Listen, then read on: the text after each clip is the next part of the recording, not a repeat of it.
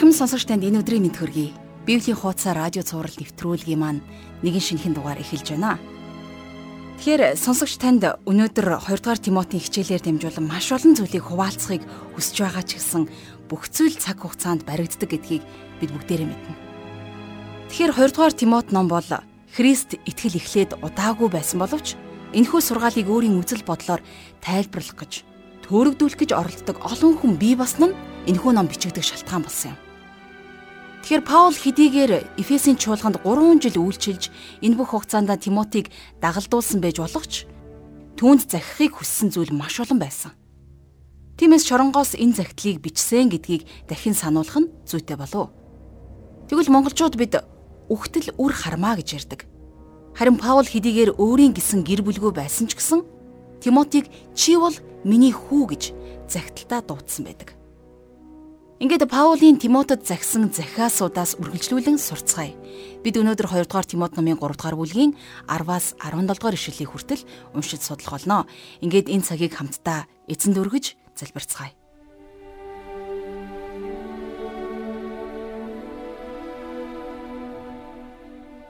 Бурхан эцэг минь, таньда энэ өдрийн төлөө талархал магтаалыг өргөн залбирч байна. Та биднийг өдөр бүр үгээрээ хөтлөн дагуулдаг билээ. Энэ өдөр ч гэсэн бид таны үгийг хүсэмжлэн залбирч байна. Эзэн бурхан минь, та бидэнд өөрийнхөө үгийг өгөөч. Өнөөдөр энэ үед бидэнд таны үг ямар чухал болохыг энэ цагт та дахин сануулж өгөөрэй. Итгэлийн амьдралда хүнд хэцүү асуудал зовлон туулж мөрлөж аваа. Тиймээс таны нэрнээс болж хавчэгдан гадуурхагдж байгаа тэр бүхий л хүнд та өөрийнхөө үгийг өөрийн тайтгарлын үгсээ өгөөч гэж гуйж байна танд талархаж эзэн Есүсийн нэрээр залбирanгуйж байна. Амен. Ингээд хамтдаа жаргалах шиг хичээлд анхаарлаа хандуулцгаая. 2 дугаар Тимот номынхон 3 дугаар бүлгийг одоо үргэлжлүүлэн судалцгаая. Ингээд 10-аас 11 дугаар ишлэгийг уншъя. Харин чи миний сургаал төлөв байдал зориг итгэл уужим сэтгэл хайр төвчээр хавчлаг зовлон дагсан. Антиох, Икониум, Лустерт надад тохиолдсон ямар хавчлагуудыг би тиссэн билээ. Эзэн намайг тэр бүгдээс аварсан юм аа. Ингээд харахаар зэрэг Тимот Паулийг маш сайн мэддэг байсан байжээ. Паулийн амьдрал бол яг л нээлттэй ном шиг түүний өмнө илэрхий байсан. Өнөөдөр итгэгч та бидний амьдрал ч гэсэн бас л яг ийм байх ёстой. Паулийг аялан явахдаа ямар их зовлон зүдгүүр амссныг Тимот маш сайн мэдэж байсан. За тухайлах юм бол Писидийн Антиох, Икониум, Лустер гээд эдгээр хотууд бол бүгдээрээ л Галаад мужид байдаг хотууд. Паул сайн мэдээнийхээ 1 2 3 дугаар аяллуудаараа эдгээр газруудаар нэг бүрчлэн явсан. Лустерт байх үед нь Паулийг хүмүүс барьж аваад нь чулуугаар шидээд үхчихлээ гэж бодоод хаяад явсан байдаг. Би хувьдаа бол тэгэхэд Паулийг үгсэн байсан. А тэгээд бурхан тэрнийг үхлээс амьдуулсан байхаа гэж боддог. Бурхан өөрөө тэр бүгдээс намайг аварсан гэж Паул хэлсэн байх шүү дээ. Тэгэхээр Тимотийн гэр бүл бол тентхих учраас Тимот тэр бүх үйл явдлыг маш сайн мэдэж байсан байна. За 12 дугаар ишлэлдэр үнэндээ Христ Есүс дотор сүсэг бишрэлтэй амьдрахыг хүсэгч бүх хүн хавчигдах болно гэж Христэд итгэдэг болсныхоо төлөө маш өндөр төлөөс төлөх шаардлагатай болох үе бидэнд ирж болох юм а. Өнөөдөр энэ дэлхий дээр олон мянган хүмүүс Христэд итгэсэн итгэлээсээ болоод хавчигдан гадуурхагдж байна.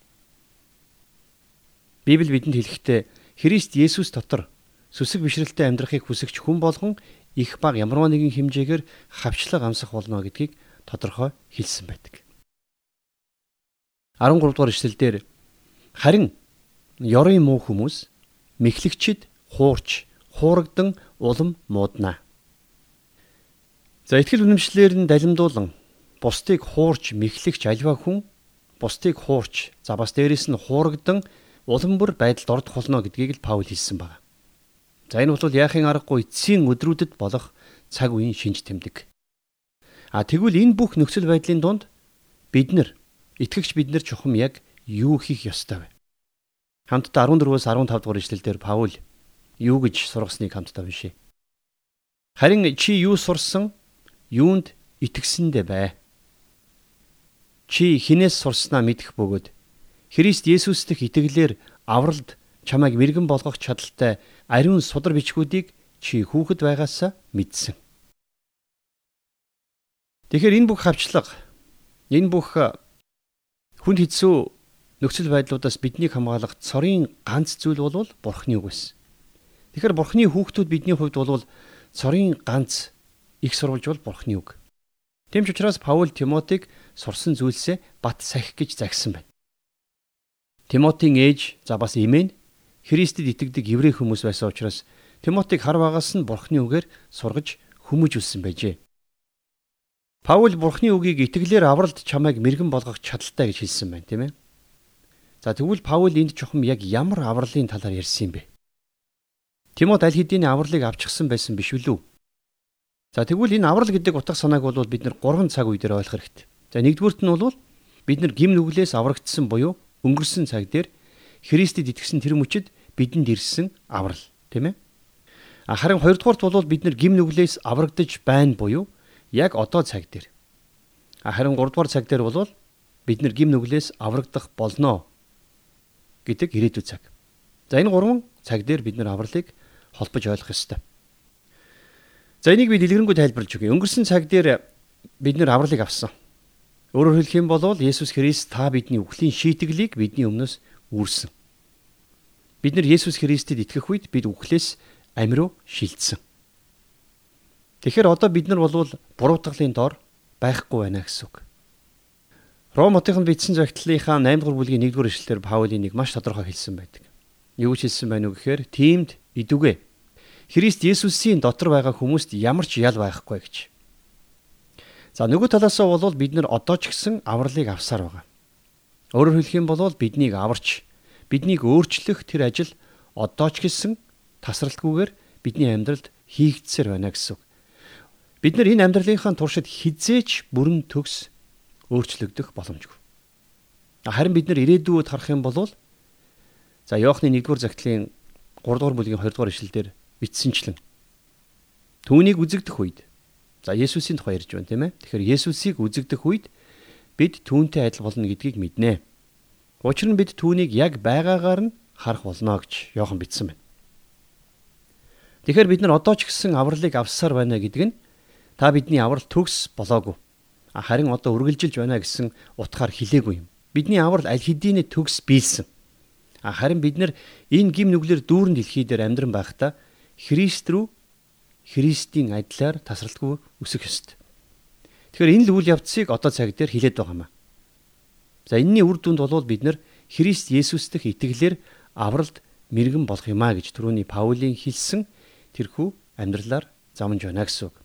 Өөрөөр хэлэх юм бол та бид нар энэ дэлхий дээр яаж зөвхт амьдрах вэ гэдэгт өдрөөс өдөрт суралцнаа гэсэн үг тийм ээ. За 16 дугаар ишлэлдэр Паул ингэж бичсэн байна.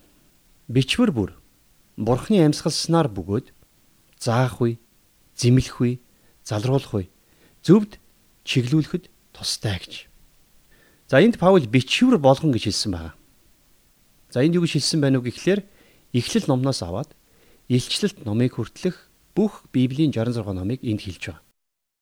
За Тимот загтлыг бичигдэх үед бол Илчлэлт ном бичигдээгүй байсан шүү дээ гэж та хэлж болох юм. Тийм ээ. А гэхдээ илчилт ном хожим нь Библиэд орсон. За тэр ч утгаараа энд гарч байгаа бичвэр болгон гэдэг нь бүх номд хамаатай гэсэн үг тийм ээ. За энд бас нэгэн гайхалтай үг гарч ирж байгаа нь юу вэ гэхээр Бурхны амьсгалснаар гэж хэлсэн байгаа. Тэгэхээр Библийг бичсэн хүмүүс бол Бурхны гардах зүгээр нэг үзэг төдий хүмүүс байгаагүй маа.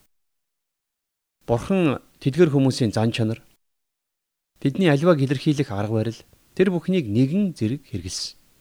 За ингэж байж бурхан өөрийнхөө айлдахыг хүссэн тэр бүх үгээ илэрхийлсэн байгаа. За тэрл хүмүүсээр дамжуулан бурхан бидэнд үгээ өгсөн. Өнөөдөр бидэнд хилээгүй дутуу үлдсэн зүйл Библиэлд нэгч байхгүй. Бурхан өнөөдөр та бидэнд үгээ айлдлаа гэхэд аль хэдийнэ Библиэлд айлдсан тэрл үгээ хэлэх болно. За дараагаар нь Паул заахад тустай гэж хэлсэн байна тийм ээ. Тэгэхээр Библи бол бидний амьдралын тойл бидний амьдралын хөтөч. Тэм ч учраас бид нар Библийг заах хэрэгтэй. За дараагаар нь зэмлэхэд гэсэн үг байгаа. За энэ бол мэдээж ухамсарлуулах талаар хэлж байгаа. Библийг судлах үед бол та бидний дотор гим нүглээ ухаарах, ухаарал төрдөг. За чухамдаа яг л энэгээр бид нэр Бурхны үг бидний амьдралд ажиллаа хийж байгаа эсхийг олж харах боломжтой байдаг. Хэрвээ та бид нар Библийг зүгээр л нэг жирийн уран зохиолын ном шиг унших юм бол Бурхны сүнс бидний амьдралд ажиллаа хийхгүй.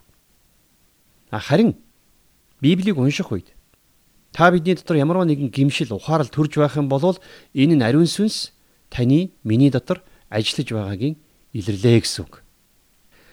За дараагаар нь бичвэр бол залруулахад тустай гэж хэлсэн байгаа. Тэгэхээр залруулах гэдэг нь альва эндэгдлийг засаж залруулах гэсэн мэдээжийн утгаар орж ирж байна тийм ээ. За дөрөвдүгüүрт нь болохоор зөвд чиглүүлэх вэ гэж хэлсэн. Та бидний амьдралыг бурхны хүслийн дагуу болгож бид нар бурхны хүслийн дагуу бодож сэтгэж үйлдэхэд биднийг сахилгажуулан бэлдэх гэсэн утгаар энд Паул өгүүлсэн байна. За 17 дугаар ишлэлдэр энэ нь бурхны хүн чадамгай аливаа сайн үйлд бүрэн бэлтгэгдсэн байхын тулд юм аа. Та бид нар аливаа сайн үйлсэд бүрэн бэлтгэгдэж төлөвшсөн хүмүүс болж өөрчлөгдөх ёстой. Бурхны үг бидний амьдрал дахь аливаа сайн үйлд бүрэн бэлтгэгдсэн хүмүүс болгон биднийг өөрчилж байдаг. Заримдаа хідэн цоврал хичээл хідэн дүрм журмыг гүйцээгээд төлөвшсөн итгэгч болчих мэтэр бид нар хаяа эндүрдэг л дээ. За мэдээж ийм зүйлд бол бид нар хизээч найдаж болохгүй. Бурхны үг болгон Бурхны сүнсээр бичигдсэн байдаг учраас бидэнд хэрэгтэй болгоныг ойлгох бүрэн хүч чадалтай гэдгийг санаарай. За энэ хүрээд 2 дугаар Тимот номын маань 3 дугаар бүлэг өндөрлж байна. За яг энэ цэгийг хүртэл бол Паулийн Тимотод чухалчлан загсан зүйлсийг би одоо товчхон базаад сануулan хэлж өгье гэж бодож байна. За Тимот өмнө нь Бурхны үгийг заалгаж байсан.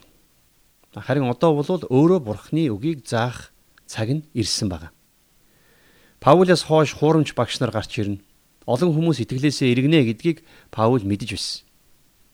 А тийм ч учраас тэр бүх хүнд хэцүү цаг үед бидний цорын ганц их сурвалж бол Бурхны үг гэдгийг Паул тодорхой захиж хэлсэн байна.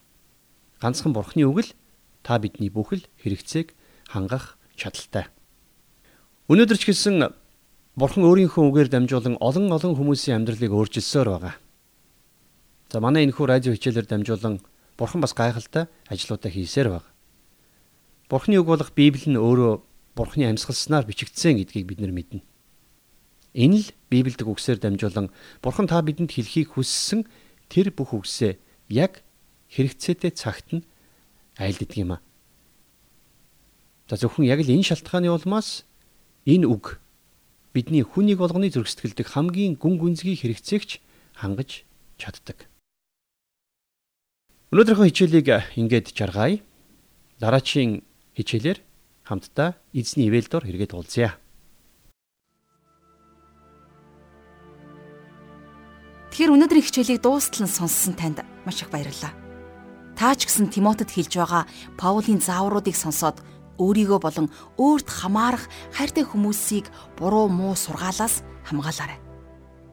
Буруу он сургаалыг ялгах цорын ганц арга зам бол бүх зүрх сэтгэлээрээ бурханд итгэж Библиэл унших юм. Нэг ийм сургаал үг сонссон байхаа гэж бодож байна. Хамгийн хол аялал бол толгоноос зүрх хүртлэх аялал гэж. Тиймээс өнөөдөр таны сонссон хичээл таны зүрхэнд хүрч өөрийн болон бусдын ам амьдралыг хамгаалахын тулд нүмерлэхийн тулд зүрх сэтгэлээ нээлттэй байлгаарай. Дараагийн хичээл хүртэл өнөөдөр сонссон болгоныхоо төлөө бурханд талархаж мөн хэрэгжүүлэх хүч чадал нэгүслийг эзнээс гуйж залбирцгаая. Хамтдаа залбирая.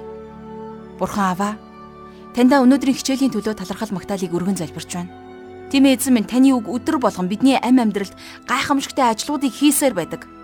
Хэдийгээр олон зүйлийг бид нүдэрээ харж чаддгүй ч гэсэн олон зүйлийг чихээрээ сонсдоггүй ч гэсэн таны гайхамшигтай ажлууд хийгцээр байгаа гэдгийг бид итгэлтэйгээр хэлж байна.